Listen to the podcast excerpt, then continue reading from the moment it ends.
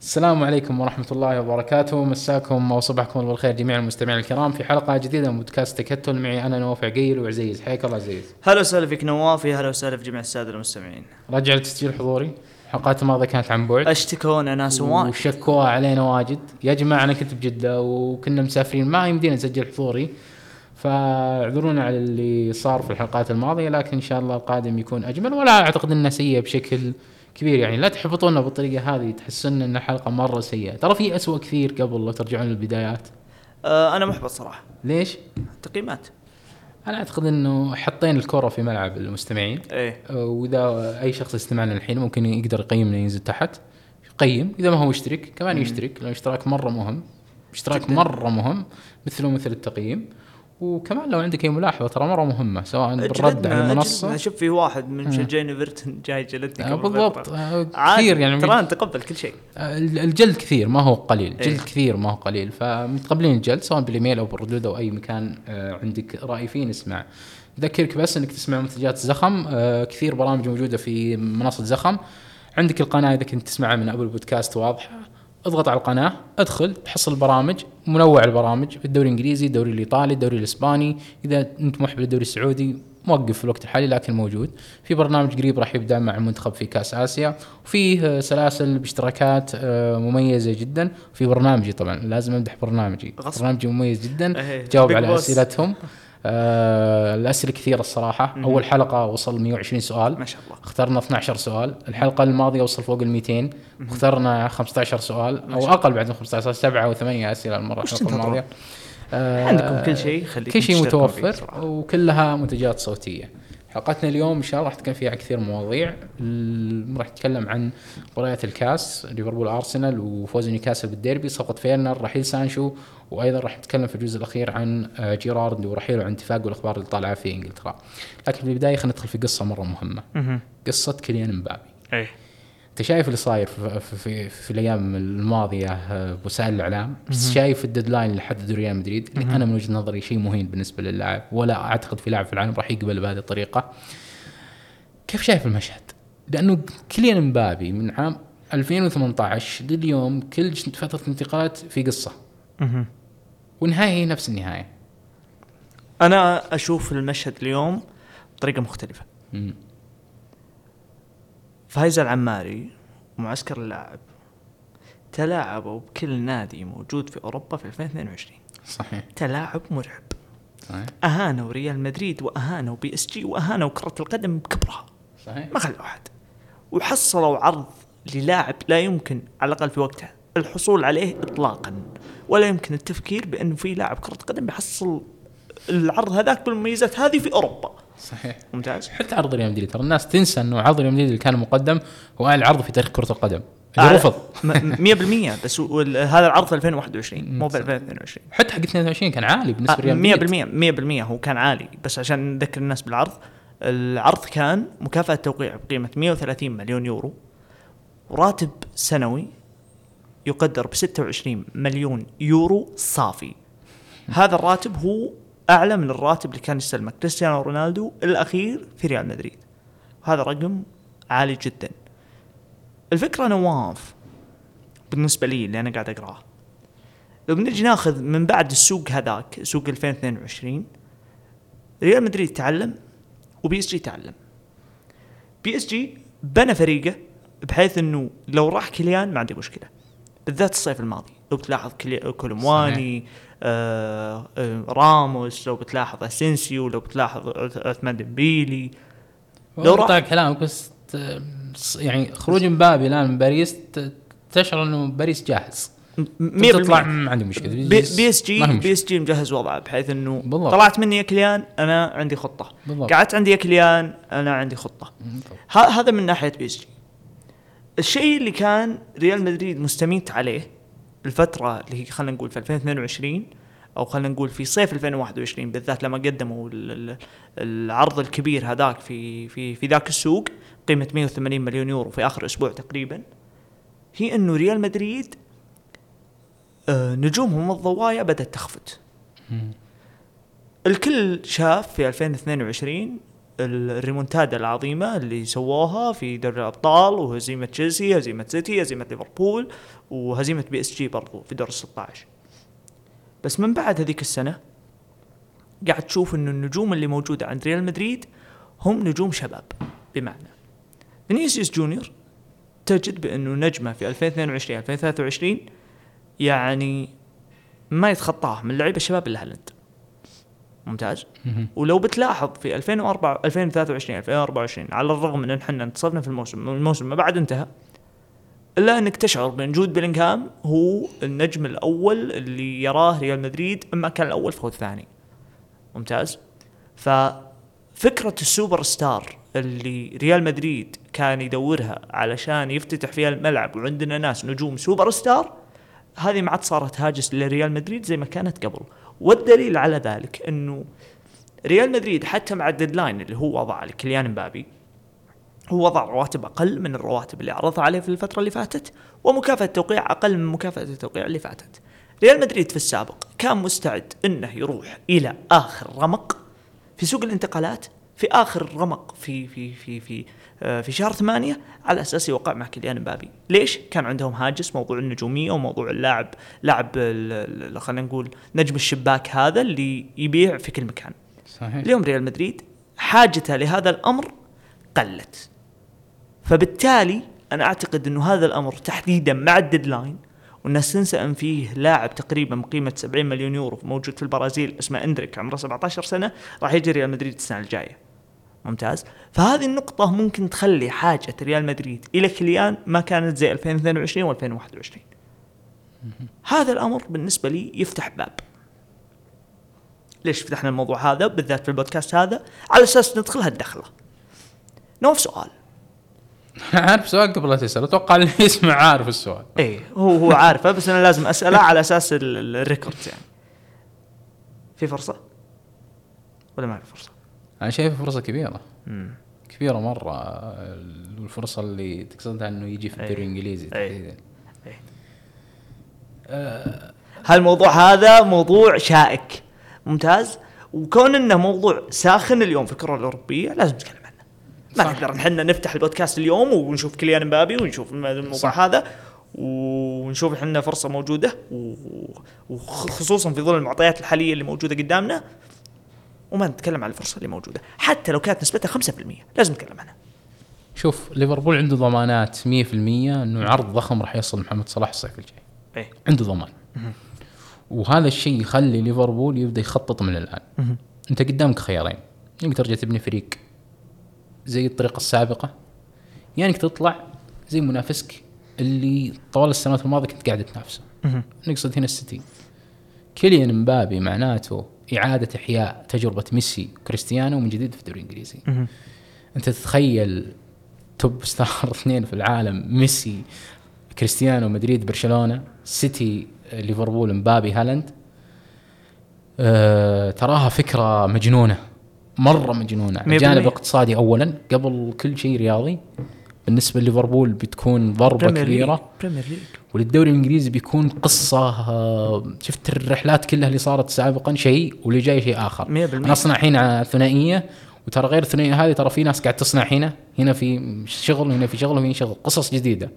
وهذا الشيء اللي يميز الدوري الإنجليزي الممتاز لكن اللي تعلمناه الصراحة خلال السنوات الماضية مع كلين مبابي ما في شيء مضمون. 100% يعني ما يعني مهما كان المؤشر قوي إنه ممكن ينتقل ريال مدريد أنت ما تضمن هذا الشيء. مهما كان المؤشر إنه يبقى في باريس ما تقدر تضمن هذا الشيء. مهما كان المؤشر ضعيف إنه يجي ليفربول ما تقدر تضمن هذا الشيء. لكن أنا عندي إحساس كبير إنه مبابي راح أشوفه بالأنفيلد.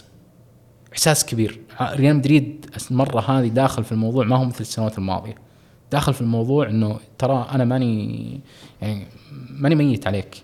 ترى في غيرك كثير وأنا عندي أصلا غير كثير. فأنا ماني ميت عليك. أنت ممكن جيتك تسبب لي مشاكل في غرفه تبديل الملابس من الناحية المالية مع اللاعبين الشباب اللي عندي. أنا أساسا إسبانيا كلها متجهة تجاه المواهب البرازيلية والجدول على خمس سنوات 50 مليون جدول على خمس سنوات 10 10 10 وخذ اللاعب عمره 16 تعال طوره ودربه وطلعه كنجم. وهذا شيء ناجح بمدريد لكن ما شفنا غير نموذجين رودريجو وكمان آه، فينيسيوس. فينيسيوس. غيره يعني تجارب ما هي كبيرة بالشكل هذا. ممكن. أنا ممكن. الموضوع هذا بس ما في ترى فريق ثاني ممكن يدخل. يعني منطقيا غير ليفربول. ماني شايف في شيء منطقي يدخل. شوف إحنا نتكلم عن المنطق. في شيء أنا أشوفه بالنسبة لي غير منطقي. اللي هو؟ حلو؟ لو بنجي نشوف الواقع. توتنهام مو بجايبه. ارسنال مو بجايبه صحيح. يونايتد مو بجايبه صحيح. سيتي مو بجايبه صح. بس في فريقين.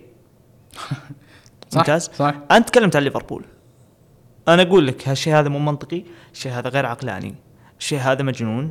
الشيء هذا نسبة احتماله آه يعني واحد من مليون. واحد من مليون. بس لا تقول لا في السوق في الميركاتو. صح. لا تقول لا في الميركاتو. أنا ما راح أستبعد الجنون يحدث.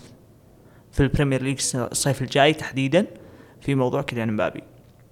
صعب إنه آه كيليان يجد نفسه محصور في نادي واحد أو ناديين بس. صح ومن غير المنطقي إنه ملاك أمريكان يعرفون إنه اليوم الكورة لو بتلاحظ أنت مثلا نواف نزلنا تغريدة عن إنه النمو في في عادات ال- ال- النقل التلفزيوني فيها جمود بعض الشيء لين 2025 2026 تقريبا أو إلى إلى نهاية دوره دورة حقوق النقل الحالية. صحيح. على الأقل بعدين إحنا ما نعرف وش ممكن يحصل. أه، ما أتكلم أنا هنا عن العائدات ال- ال- الدولية أتكلم عن العائدات المحلية تحديدا في بريطانيا. فالمجال مجال النمو عند الأندية موجودة في الأماكن الثانية من خلال القدرة التسويقية ومن خلال البنية التحتية. اليوم ليفربول جاز شغال على هالناحية. واليوم تشيلسي شغال على هالناحية. فمن اللي بيقلص الجاب بينه وبين مانشستر سيتي في التسويق الاقتصادي وال- ونمو العائدات التجارية. هذا بالنسبة لي هو السؤال اللي يخلي عملية جية كيليان مبابي مفتاح للنمو. حتى لو كانوا مثلا بيدفعون 750 ألف باوند في الأسبوع لكيليان في المقابل أنت عارف أنه كيليان مبابي يعني خلينا نقول لك دافع نفسه بنفسه. صح؟ دافع نفسه بنفسه. أنت مثل مثل يعني خلينا نقول مثل هالاند. هالاند دافع نفسه بنفسه. وكيليان مبابي نفس الفكرة. دافع نفسه بنفسه. فالفكرة أنا بالنسبة لي فيه مجال لفريقين. نسبة حدوث هذا الأمر ما تعدى 5% إي. نسبة حدوث هذا الأمر مجنونة إي. بس أنا أقول ما في شيء مستحيل. نترقب. وما في شيء مستحيل. غير كذا جية مبابي أصلا راح تضمن إنه هالاند ما يطلع من عندك من الدوري. و إذا تبغى أنت دوري كل أندية الدوري مستفيدة. إي إي كل أندية الدوري غير مستفيده كذا أنت كدوري لما تبغى هذا الفارق اللي موجود بالوقت الحالي تحافظ عليه مع الدوريات الأخرى لازم لازم مبابي آه، يجي عشان يأكد بقاء هالاند ويجي مبابي في النهاية. المقصد إنه هذه خطوة عزيز ما هي بس رياضية. هذا صراع لمدة 10 15 سنة جاية. صراع ممكن. يكون في تاريخ كرة القدم. 100% ولا أعتقد في في تاريخ إنجلترا فرصة ل لتقديم صراع تاريخي يسجل في كرة القدم إلا مثل هذا الوقت. يعني عانت ترى إنجلترا كثير من موضوع عدم جلب الأساطير على مستوى كرة القدم تاريخي. نتكلم رونالدو الظاهرة ما لعب في الدوري الإنجليزي ممتاز. نتكلم عن زيدان. زيدان كثير عد واغلط. لاعبين أجيال مرت كثيرة في كرة القدم. ما ف... ما جو في في, في الدوري الإنجليزي. وأسباب كثيرة طبعا لها أسباب كثيرة. من ضمنها كمان آه، موضوع آه، الكرة الذهبية. موضوع اللغة موضوع الكرة الذهبية الذ- موضوع الكرة الذهبية الأجواء كان مؤثر موضوع كثير. السياحة حتى داخل إنجلترا ما صحيح هي والفلوس. إي صح صح 100% فلوس. وقتها اليوم التسعينات الثمانينات ما في فلوس مثل بإيطاليا ولا اللي بإسبانيا. آه، هي مختلف متفقين إحنا موضوع الفلوس. آه. بس اليوم أنت لاحظ المنتخب الأرجنتيني والمنتخب البرازيلي قارن فيهم تقريبا بعشر سنين. صح؟ لو بتشوف طيارات اللي تروح من إنجلترا للأرجنتين والطيارات اللي تروح من إنجلترا للبرازيل اليوم وتقارنها مثلا بعشر سنين تلقى طيارة طيارتين في المقابل هنا تروح خمس طيارات ست طيارات سبع صح. طيارات. ممتاز. طيارات خاصة. فتجي تشوف كمية اللعيبة اللي موجودين رايحين من إنجلترا للعيبة اللي يلعبون بشكل أساسي في المنتخب ال- الارجنتيني. أذكر لك مونتيال في نوتنغهام. أذكر لك روميرو في في توتنهام. أذكر لك آه إيميليانو مارتينيز في أستون فيلا. وأذكر لك الكسيس ماكاليستير وإنزو. وأذكر لك جوليان ألفاريس ويمكن نسيت أحد. كثير موجود. أنا الحين ذكرت لك سبعة لعيبة. لو بتروح للمنتخب البرازيلي ذاكرتي البسيطة في المونديال. أليسون يلعب في آه، في إنجلترا. تياغو تياغو سيلفا يلعب في إنجلترا. كاسيميرو يلعب في إنجلترا. باكيتا يلعب في إنجلترا. تتكلم عن آه رافينيا وكان يلعب في إنجلترا وانتقل من إنجلترا. وأنتوني وأكثر وأكثر من اسم حتى. بالدكة. لا لا ما رحت لك الدكة رحت لك الأساسيين. فأنا متأكد إنه هذا الأمر برضو راح يستديم في السنوات الجاية. فهذه النقطة أنا بالنسبة لي جالسة تخليني أقول إنه مجال التطور اليوم في إنجلترا يكون من خلال جيبة النجم اللي ما في أحد بعده. وأنا بالنسبة لي لو بنجي إحنا اليوم نشوف الكورة ما في نجم ممكن يجي لإنجلترا. أعلى من كيليان مبابي اللي ممكن يضيف في إنجلترا. بالنسبة لي لو بجي أشوف مثلا نجوم ثانية ممكن يجون بمعنى كييزا. كييزا اليوم ممكن يكون أك أكبر نجم إيطالي موجود. صح. لو بنجي نشوف مثلا في ألمانيا من أكبر نجم ألماني موجود؟ نحضر من لو بتاخذ مثلا نجم في ألمانيا تاخذ كيميتش؟ ممكن إيه. ناخذ كيميتش. كيميتش في النهاية في رودري في ديكلان رايس يشاركون النجوميه بتاخذ كيازا في ساكا وراشفورد وفي أكثر من اسم يشاركون النجومية ما عليهم مستوياتهم عليهم نجوميتهم. مبابي من يقابله؟ هالاند. واحد بس واحد صح. في العالم كله. صح. ممتاز. فما بالك إنه هذا الواحد يكون موجود عندك. اليوم صح. أنت لو بنجي ناخذ مثلا اسم كيميتش في عندي اثنين ثلاثة يغطونه. في عندي كيزا في عندي ثلاثة أربعة. يغطونه. في عندي اليوم بس كليان من يغطيه يغطيه واحد بس موجود اليوم في العالم. هذه النقطة أنا بالنسبة لي بتعطي فارق كبير للأندية. المفروض الأندية الصغيرة تكون سعيدة إنه كليان جاي للدوري في حال إنه 5% هذه تحققت طبعا. أرجع أكرر هي 5% هي كم؟ 5% لكن لو حدثت في نقلة نوعية كبيرة ما راح يرجع منها البريمير ليج اطلاقا حتى هو مبابي أساسا آه، لو يبغى يطلع level عالي جدا في كرة القدم يجي للدوري الإنجليزي. روح الدوري الإسباني مثل اللعب في الدوري الفرنسي الصراحه مع احترامي للدوري الإسباني. تراجع الفني هناك كبير والهجرة أصلا اللاعبين يا رجل بورنموث آه، يتقضى لاعبين من الدوري الإسباني. ففي هجرة كبيرة في إسبانيا في تراجع اقتصادي في إسبانيا وهذا السبب الرئيسي في شيفيلد يونايتد ماخذ لاعب من فيا ريال إيه، فهذا سبب. شيفيلد شيفيلد 100% هابط. هذا السبب رئيسي في عذرونا. موضوع في موضوع آه، السوبر ليج وحملة السوبر ليج. آه، الجماعة في إسبانيا متضررين كدولة يعني بشكل عام. إسبانيا اقتصاديا متراجعة في السنوات الماضية. وهذا الشيء قاعد يأثر على ريال مدريد وبرشلونة. برشلونه قاعد ما عنده بنية تحتية راح جدد الكامب نو. ريال مدريد جدد ملعبه. ففي تكاليف آه، أتلتيكو ملعب جديد. في تكاليف على البنية التحتية كلفت على ال- النادي. كأس عالم جاي عندهم. فأسبانيا آه، ك- تعتمد. بشكل كبير على ال- ال- الرياضة. ال- جودة اللاعب. لا لا أنا قصدي حتى هي كاقتصاد تعتمد إيه، على الرياضة في جلب طبعا السياح أكيد للسياح أكيد. برشلونة ريال مدريد بالنسبة للدولة شيء عظيم. شيء لا يمكن أن يترك بالطريقة هذه ولا راح يسمحون بسقوطهم لكن الواقع الآن ما في أحد يقدر ينافس الدوري الإنجليزي الممتاز بفلوس. مم. أنت ما تقدر تنافس بالفلوس. يعني مهما كنت نادي تحت مدريد وبرشلونة ترى الفلوس اللي معاك ممكن أي نادي في متوسطة بالدرجة الأولى في إنجلترا يقدر يقدم مثله وزيادة. والبنية التحتية الموجودة في إنجلترا مثلها وافضل وزيادة. فالبنية التحتية والفلوس موجودة في إنجلترا. هذا عصر الدوري الإنجليزي وهذا شيء يعني منطقي. مثل ما كان في إسبانيا في إيطاليا في بداية التسعينات إلى نهايه إلى بداية الألفية مثل ما كان في إسبانيا الفترة الماضية. هذه كرة القدم تدور يعني يوم صحيح. الإنجليز بيجي يوم بيطيحون مثل نعم. ما طاحوا قبل. صح. وراح تطلع إسبانيا وراح تطلع إيطاليا وهذه كرة القدم. في الوقت الحالي الإنجليز فوق. لازم يستغلون هذا الشيء وهذه منافسة تاريخية منافسة مرة مهمة بالنسبة للإنجليز. وبالنسبة لليفربول 65 مليون فرنسي ورا النادي آه، بيكون شيء اقتصادي عظيم بالنسبة للأمريكان.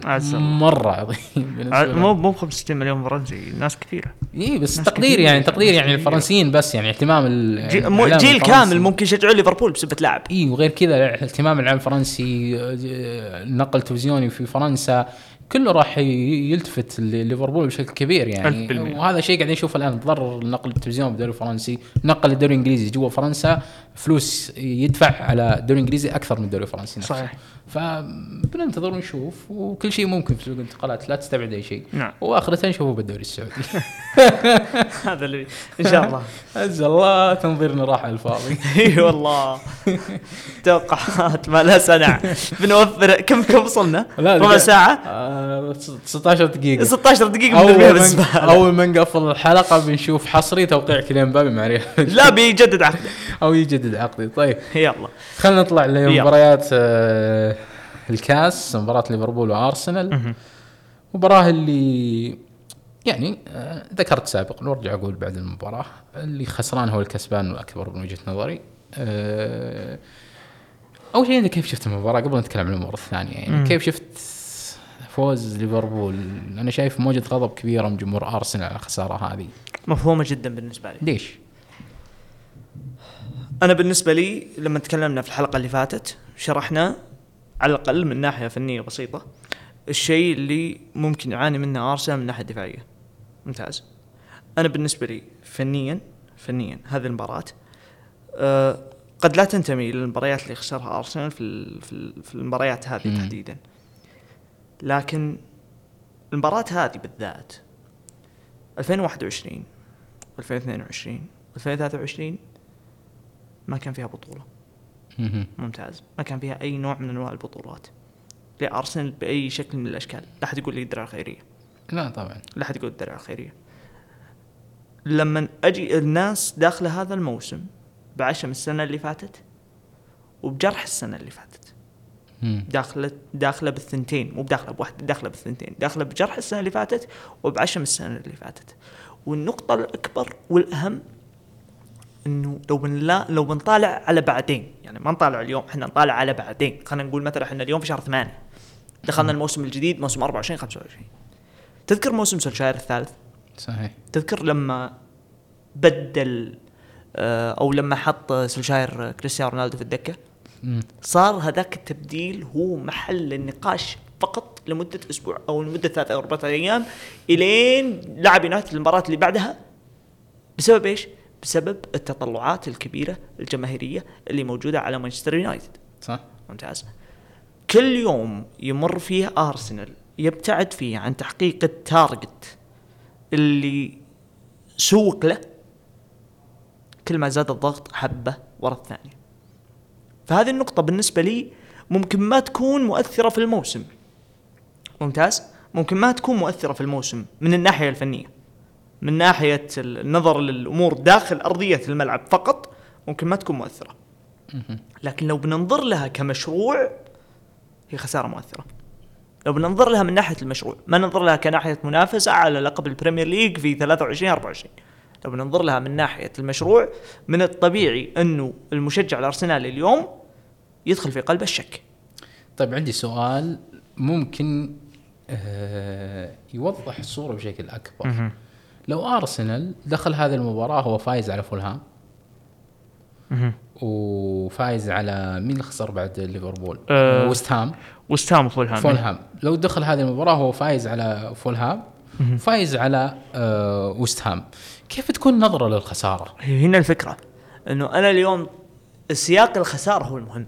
طيب هل البطولة هي البطولة خسارة بسبب خسارة البطولة أو سبب خسارة المباراة بحكم الجدول الإطار يعني اللي أنا أقصده لو لو الإطار الزمني ما كان بهذه الطريقة هل خسارة هذه البطولة كان ردة الفعل بنفس هذا الشكل؟ راح يكون في ردة فعل؟ نعم. راح يكون في ردة فعل. مو بنفس الحجم؟ امم أتفق مو بنفس الحجم. ليش مو بنفس الحجم؟ بسبب إنك أنت في الكريسماس في يوم الكريسماس أنت كنت متصدر الدوري. صحيح. ممتاز فأنا لازلت أرى الفرصة اللي تخليني أقول إنه لا زال أرسنال okay عندي إيمان بس هل الفريق لعب سيء سيء بشكل سيء ضد ويست هام؟ حن حنا شرحنا لما قلنا إنه أرسنال ما. لعب بشكل سيء ضد وست هام بس إيش الفكرة؟ الفكرة هي إن الناس اليوم ما تطالع كانت لعب زين ولا ما لعب زين هي الناس بتطالع كانت اليوم وش بتختم لي فيه؟ لأن حنا الناس اليوم حنا جالسين نتكلم عن أربعة سنوات كاملة إي بس فهذا الموضوع عليك. من الطبيعي. أنت- إنه يولد موجة غضب حارمة ف- فاهم عليك بس هل هو خسر شيء من التاجين؟ هو ما خسر شيء من التاجين إيه يعني- لكن هو جالس يدخل الشك في نفوس الناس إني سأفقد التاجين وش اللي يخليني أنا أؤمن بإنك بتحقق التاجين. ممتاز فكل ما جاء يعني اليوم هم الفكرة في السياق نفسه اليوم حنا في آخر ستة مباريات أو سبعة مباريات والله إني ناسي. سبع مباريات. سبع مباريات انتصار وحيد. فوز واحد. من الطبيعي اليوم بالذات مع خروجك من البطولتين بس ترى هذه يتولد الشك. أنا فاهم بس هذه فيها خدع. ليش؟ احصائيه هذه فيها خدع. اولا في تعادل ضد اينتهوفن في مباراة محسومه بدوري الابطال ممتاز. وفي تعادل في الأنفيلد. ممتاز. فهمت علي؟ ففي نتائج كانت إيجابية. يعني إحنا تكلمنا عن لما التعادل الأرسنال ضد ليفربول الكلام بالخسارتين اللي بعد التعادل. استثني لي هالمباراتين. إي. فبكم كم عندك مباراة؟ خمسة. خ... عندك يا طويل العمر مباراة آه، أستون فيلا مباراة آه، كان غلطان إشبيليا برايتون بعدها لعبوا ضد وست هام صحيح. فولهام آه، قبل وست هام ليفربول. ليفربول. فأنت لو شلت المباراتين عندك كم؟ إيه؟ عندك أربع مباريات إيه في بس- الأربعة مباريات هذه أنت خسرت ثلاث وفزت بواحده اي بس أنا أنا اللي أبي اصل له في النهايه هل هذه البطولة أولوية؟ هو مو بالفكرة بالأولوية أرجع وأقول جاوبني هل هذه البطولة أولوية؟ بالنسبة لأي فريق لا هل هذه البطولة راح تغير موسم أرسنال لو فاز فيها وخسر كل شيء ثاني؟ ما أعتقد الهدف من بداية الموسم إيش كان؟ منافسة على الدوري هل الفريق قريب من المنافسه من الدوري؟ لا زال هل الفريق موجود بدوري الأبطال؟ ليش موجة الغضب الكبيرة على مايكل أرت؟ بسبب إني دخلت بفترة الشك اللي أنا كنت أدخل فيها في كل سنة الفترة هذه تخليني أفقد ال- المنافسة على الشيء اللي أنا أهدف له في كل سنة أنا أجي أدخل. لهدف أنا جالس أدوره. أجي أدخل أنا دائما بفترة شك زي ما دخلت فيها في مباراة كريستال بالاس وبرايتون وساوثهامبتون زي ما دخلت فيها السنة اللي فاتت مثلا في الثلاثة مباريات اللي بعد التوقف الدولي ضد ساوثهامبتون وويست هام وليفربول وبعدها أعتقد مباراة ثم خسارة السيتي. زي ما أنا دخلتها في سنة آه، على ما أعتقد زي إنه قد تكون هذه هذه الفترة هي الفترة اللي تضيع مني كل شيء. ممتاز. بالذات في ال- الشكوك أو خلينا نقول لك التربص اللي م- موجودة عند البعض وكومة التفاؤل المهولة جدا اللي موجودة عند البعض الآخر من جماهير أرسنال. فأنا هذا الشيء يخليني أقول كطبيعة جماهير أرسنال اللي هي جماهير منقسمة أساسا من فترة طويلة يعني ما نقول لك إحنا اليوم إحنا جالسين نتكلم تقريبا من من عشر سنوات إحنا جالسين نشوف في انقسام مهول جالسين نشوف فينجر in فينجر out جالسين نشوف آه جازيدس in جازيدس out قاعدين نشوف آه سانليهي in سانليهي out قاعدين نشوف يا طويل العمر آه امري in وامري out وبرضه نفس الشيء قاعدين نشوف ايدو in وايدو out عشق ما تكلمت لك. عن ميكيل أرتيتا. فأنا أتكلم لك على إنه من الطبيعي من الطبيعي إنك بتسمع الصوت المعارض اليوم أكثر من الصوت المتفائل. ثلاثة انتصارات بتسمع الصوت المتفائل أكثر من الصوت المعارض. هذه طبيعة جمهور أرسنال هذه طبيعة الإعلام في أرسنال. بس الفكرة في إيش؟ الفكرة في إنه حتى الطرف المتفائل اليوم جالس يخفض صوته وجالس يكثر مع الطرف المتشائم. ليش؟ لأن حنا جالسين يتكرر علينا نفس السيناريو مرة ثنتين وقد تكون هذه الثالثة. وش اللي يمنع من إنها تكون الثالثة؟ فأنا أفهم أفهم جمهور أرسنال لما يكون غاضب. ليش لما يكون غاضب؟ بسبب إنه تكرار السيناريوهات عليهم فيها طبيعة إنه يولد ردة فعل مختلفة. يعني لو كنا حنا اليوم مثلا في موسم 22 خلينا نرجع موسم 22 تتذكر موجة الغضب اللي كانت موجودة بعد مباراة ساوثهامبتون؟ صحيح. موجة الغضب اليوم لو بتقارنها بموجة الغضب اللي موجودة في ذيك الفترة أنا أعتقد أنها مختلفة تماما.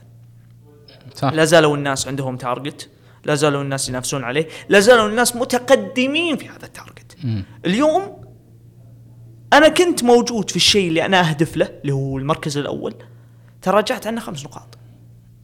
لا زلت أنا منافس في في في في البطوله المفضلة بالنسبة لجمهور أرسنال طلعت منها. اليوم أنا داخل على فترة صعبة وهي خلينا نقول لك المباريات اللي دخلنا فيها مثلا مع أرسنال لما نتكلم عن فولهام لما نتكلم عن لما نتكلم عن فولهام نتكلم عن آه، ويست هام هام. وب- وبرضو آه، خلينا نقول لك مب- مباراة أو مباراتين ثانية فقد تكون هذه الفترة هي الفترة اللي ممكن يدخلون فيها الشك.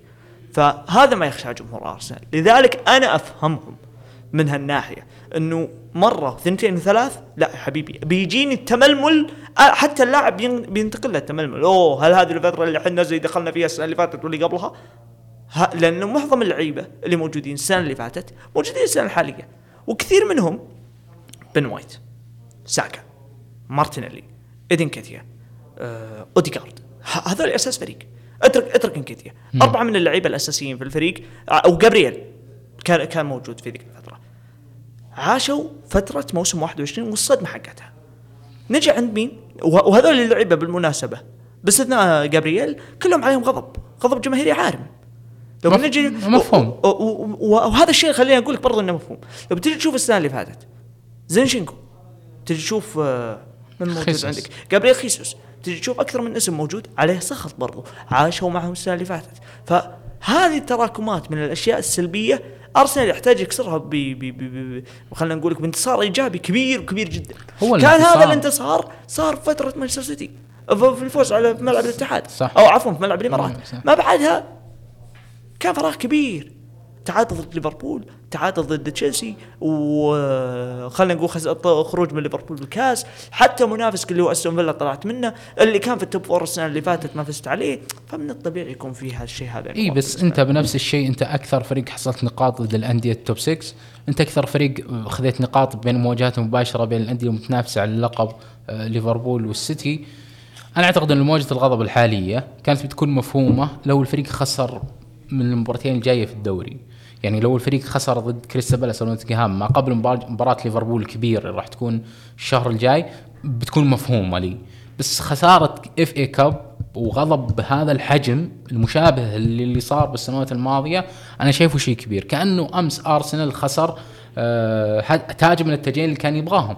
كأنه أرسنال طلع من دوري الأبطال مو كأس الاتحاد الإنجليزي. فهمت علي؟ فهذا الغضب بالنسبة لي ما هو مفهوم. الفريق ما لعب مباراة سيئة أمس. ما لعب مباراة سيئة بالشكل اللي تخليك تطلع تنرفز بالشكل هذا.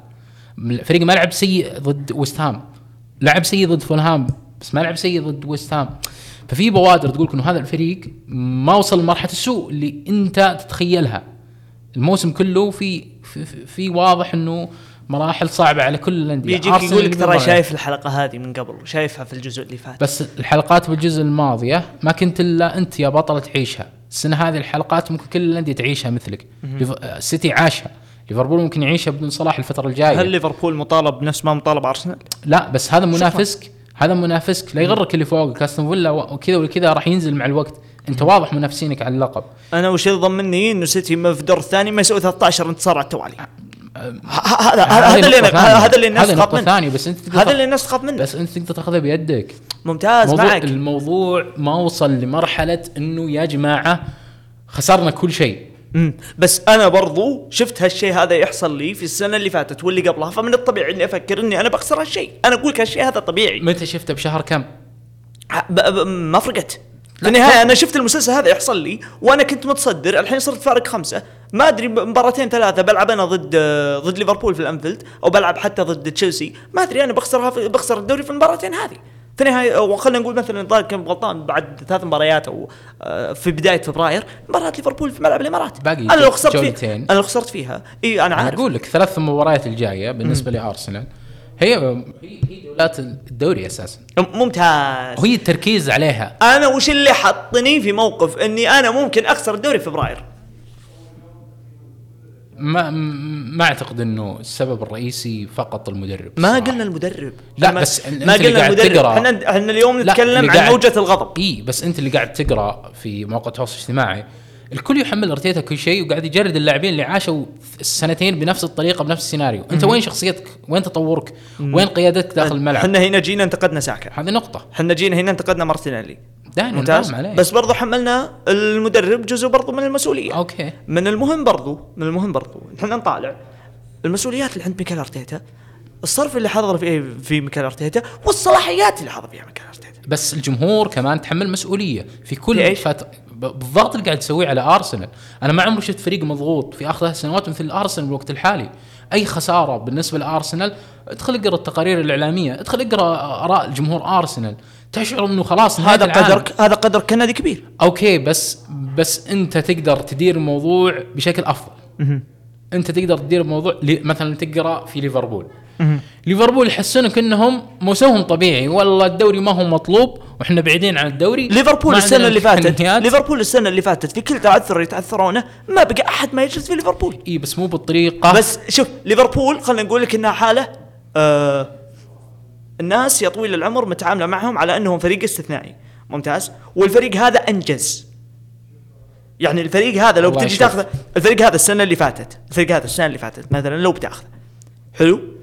بيقول لك يا حبيبي السنة اللي فاتت أنا موجود في كل النهائيات أنا في في نهاية الجولة الأخيرة من 22 أنا نافس على الدوري صحيح. وموجود في نهائي الأبطال وما. بحقق كاسين صحيح. فبالتالي الناس طبيعي إنها ما تتعامل معك كما تتعامل مع فريق ما قد حقق بطولة أو ما نافس على بطولة إلا مرة واحدة في آخر أربع سنين فمن الطبيعي إنه يكون التربص هذا موجود خصوصا إني أنا قاعد أشوف إنه هذا الفريق هذا جالس يصور على إنه أفضل فريق في العالم أفضل فريق في العالم يحقق بطولة أربع سنين من غير المنطق هذه النقطة اللي أنا قاعد أقول لك إنه الموضوع هذا بالنسبة لي منطقي.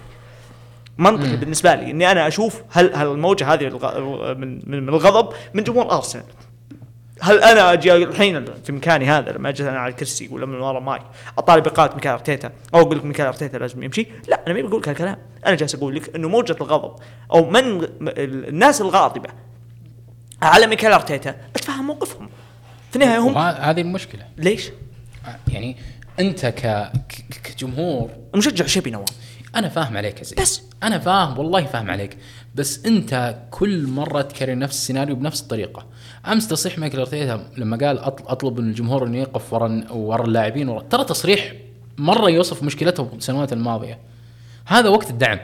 هذا وقت وقت المباراة الجاية ضد كريستال بالاس 20 يناير أشوف أشوف ملعب الإمارات منفجر. أشوف ملعب الإمارات مختلف. كأن كل شيء صار ماضي ما صار. بداية جديدة. هذا الوقت يورجن كلوب بعد لم- لما طلع وطلب من ال- الجمهور في في, مباراة أرسنال اللي ما يبغى يشجع لا يجي. شوف المباراة أرسنال وش صار في الأنفيلد. إن أنفيلد انفجر. الكل استجاب لطلب طلب يورجن كلوب. بالمقابل طلب أرتيتا أمس لما طلب من الجمهور إنه يقف خلف النادي الكل خذ الموضوع باستهزاء.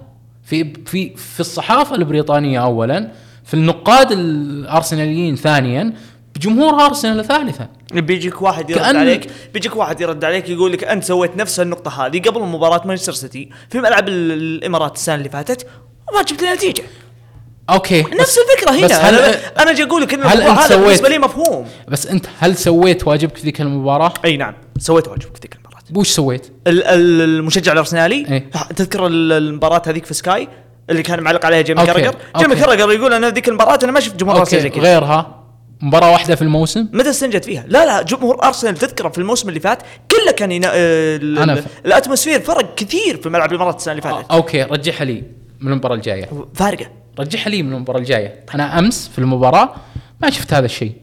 ال- الكل يتذمر أمس في المباراة. من بداية المباراة لنهايتها. الكل يتذمر في الملعب.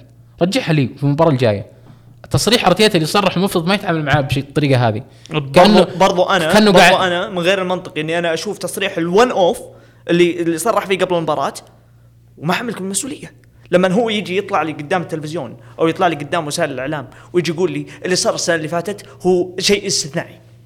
ممتاز؟ التعامل تعامل اللاعبين مع الفرص هو شيء استثنائي.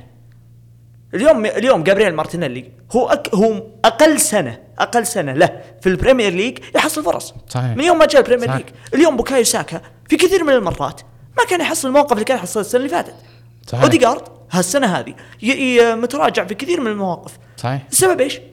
صفقتك اللي أنت جبت فيها كاي هافرتز ما ما نقدر ننكر هالشيء ما نقدر ننكر هالشيء هالشيء يعني- هذا واحدة من أهم الأسباب اللي أدت إلى أنه أرسنال ينقفض السنة هذه. يحبونها جمهور أرسنال اللي هم مشبيحة ميك أو خلينا نقول محبي ميكال أرتيتا أو ما يحبونها. بالنسبة لي كاي واحدة من أهم الأسباب اللي مخلية ال- system اللي موجود عند أرسنال ما يتعامل. يعني اليوم مثلا لو جينا نتكلم عن مباراة امس مباراة أمس. يعني- على قد ما أني أنا مثلا تكلمت على موضوع كاي هافرتز إلا انه الطريقة اللي لعب فيها ليفربول السنة أو خلينا نقول الطريقة اللي لعب فيها أرسنال من خلال إنه يضغط أمس كم سدد أرسنال من تسديدة؟ 18 تدري كم حاله سددوا فيها من تدرج بمعنى بناء تحضير انهاء تتوقع انت يعني كم كم لو قلنا من ثلاثة 18. ممكن، أربع حالات. أربع حالات ثلاثة في الشوط الأول وواحده أذكر في الشوط الثاني ثنتين. أو ثلاث في الشوط الأول وواحده في الشوط الثاني. الاكس جي حقها ما تعدى 0.8 مم. حلو من اصل 1.6 ال 1.4 الاهداف المتوقعه وال ال- ال- ال- ال- ال 14 تسديده الباقيه كلها جت إما من تحولات أو كرة ثابتة. سواء كانت في اعلى أعلى نقطة من الملعب أو من أسفل نقطة من الملعب. أو حتى من الكرات الثابته اللي موجودة سواء كانت من من رميات تماس كرات ركنية كرات ثابتة أو مباشرة أمام المرمى. ممتاز؟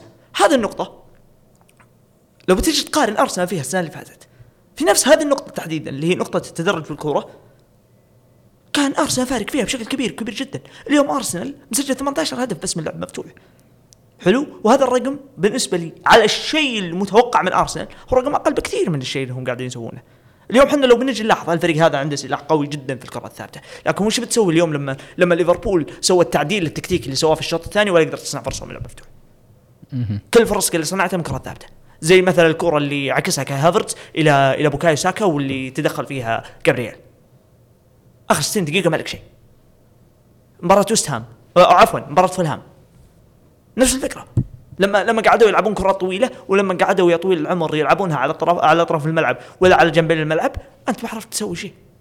فمن الطبيعي يكون في ملامه أنا هنا ما جالس أقول للمشجع الأرسنالي ترى إقالة أرتيتا مطلب.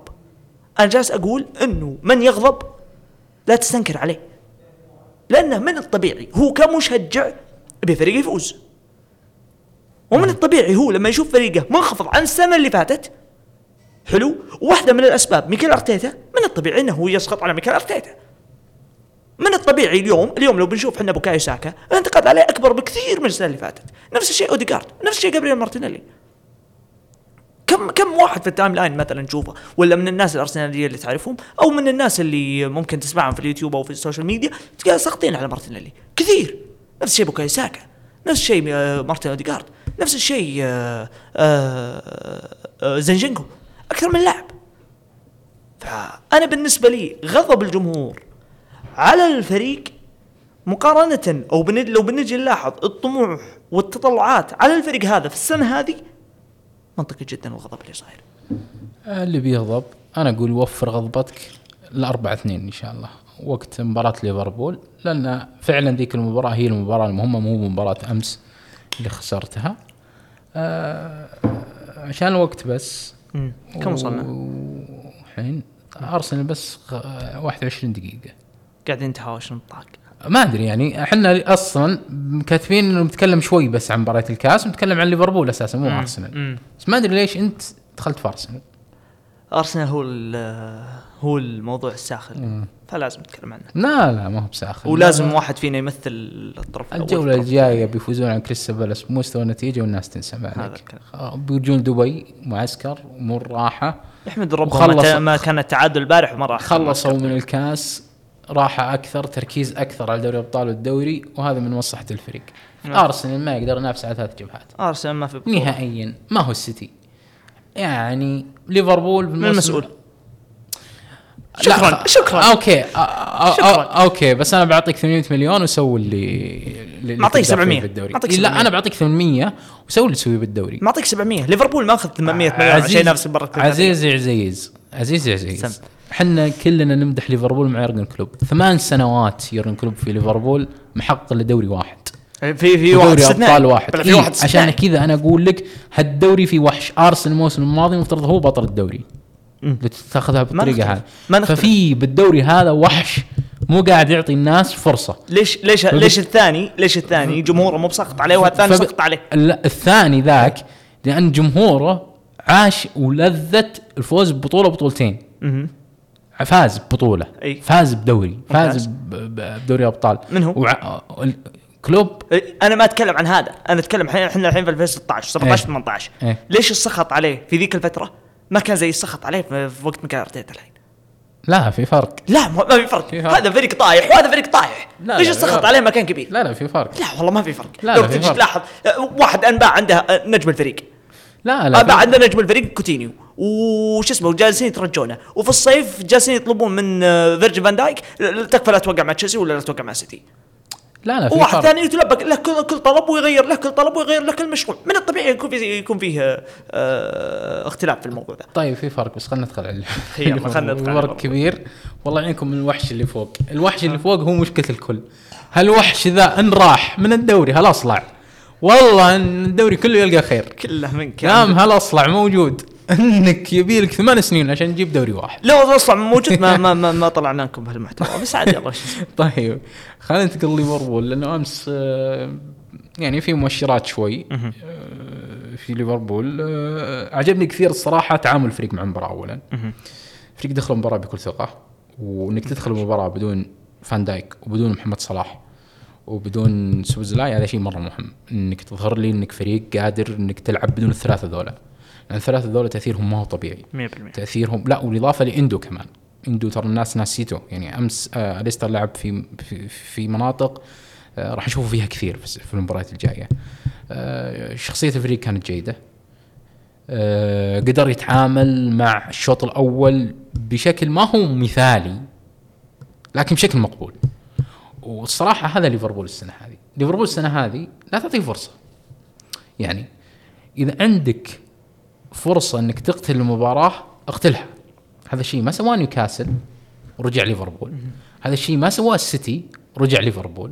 هذا الشيء ما سواه أرسنال ورجع ليفربول. وكثير ترى مباريات انتهت بنفس الطريقة ونفس السيناريو هذا الموسم. هذا الفريق مستعد يقلب عليك الطاولة كاملة في ثواني وفي دقائق وتغييرات بسيطة يعني من المدرب. أنا الصراحة أوقف تحية وإعجاب ليورجن كلوب على اللي قاعد يسويه مع أليوت وجونز. هالاثنين ذولا صاروا آه يعني تذكر مباراة روما وليفربول اللي في إيطاليا أذكر. في دوري الأبطال؟ ثلاثة خمسة. مين كان وسط ليفربول؟ أذكر فينالدوم كان فيه. وميلنر. إيه. وهندرسون. ركض ميلنر في ذيك المباراة. والله لو تبي نضغط على المدرجات ميلنر رايح يضغط فوق. مم. في اثنين في النص. في إليوت وجونز. اثنين جن في الضغط. اثنين مستعدين يضغطون في أي مكان في الملعب وبدون تعب بدون توقف. وهذا الشيء اللي يبغاه كلوب. والشيء الأهم إنه عارف كيف يستخدم الاثنين. وهذا شيء ما هو مستغرب على يورجن كلوب. اللي اللي اللي قاعد قاعد يصير في ليفربول في الوقت الحالي هو نواة نواة لفريق قادم للسنوات القادمة. المرحلة هذه الفوز هذا مرة مهم للفريق بعد روحه محمد صلاح. المرحلة هذه انت جوازها ليفربول. بكل راحة بدون أي مشاكل بدون أي خسائر قاسية ممكن يخسر ليفربول مباراة أو مباراتين بس ما يخسر بشكل قاسي بشكل محبط داخل ارضيه الملعب المستوى الفني. بيكون ليفربول شيء مختلف السنة الجاية. ليفربول نواف في المباراة. ورقم ستة ما ظهر فيه. إيه تكلمنا إحنا فيه قبل. إنه لازم واضح إنه الفريق مصمم على لاعب معين في الصيف وما يبغى يدخل في الشتاء على على لاعب. ولا كان المفروض لو جاء رقم ستة الوضع بيكون مختلف الصراحة بيكون خطر بالنسبة للسيتي. ممكن السيتي كم لو جاء ليفربول لاعب رقم ستة السيتي بيتحرك. في السوق كابوس. أنا اليوم لو ليفربول يوقع مع لاعب رقم ستة اليوم يدفع 80 100 مليون على لاعب رقم ستة السيتي مباشر راح يتحرك في السوق. السيتي الآن مرتاح. إذا شاف ليفربول تحرك بالاتجاه راح يتحرك. راح يعرف إنه في خطر. راح يزيد من نقاط قوته. إي راح يزيد يعرف إنه في خطر فراح يتحرك السيتي لكن واضح إنه ما في تحرك. هذا الفريق حتى التعامل في الثلاثي قدام كويس. نونيز يعني لا زالت المشكلة موجودة قدام المرمى لكن نونيز في ميزة واحدة إنه لاعب مجتهد ما يوقف يبتل يحاول ما ييأس. يضيع مرة مرتين ثلاثة أربعة يحاول وهذا شيء مميز. بالهدف الثاني كان عمله هو هو جوتا ولويس دياز كان مرة مميز. آه، فوز مرة مهم من ناحية معنوية لليفربول. مرة مهم. واستمرار بهذه البطولة أكبر أهمية من ليفربول من أرسنال بحكم إنه ليفربول موجود في اليوروبا ليج. آه، مباريات أقل رتم والكاس راح يساعدهم على محافظة على المجموعة بشكل عام. أمس في لاعبين لعبوا في الجناح اليسار. لاعبين لعبوا في راس الحربه لاعبين لعبوا في لا اي لاعبين لعبوا في ال... لا ستة. لاعبين لعبوا في الجهة اليسار. في الجهة اليمين ممتاز. لاعبين لعبوا في مركز ثمانية ولاعبين لعبوا في الجهة في الجهة اليسار في مركز ثمانية. صحيح. لعب لويس دياز ولعب داروين نونيز في الجهه اليسار لعب في رأس الحربة ديوغو جوتا وداروين نونيز ولعب هارفي إليوت خ- كودي خ- خاكبو في بعض الأحيان وهارفي إليوت في الجهة اليمين في الجهة ال- ال- اليمين من, من وسط الملعب.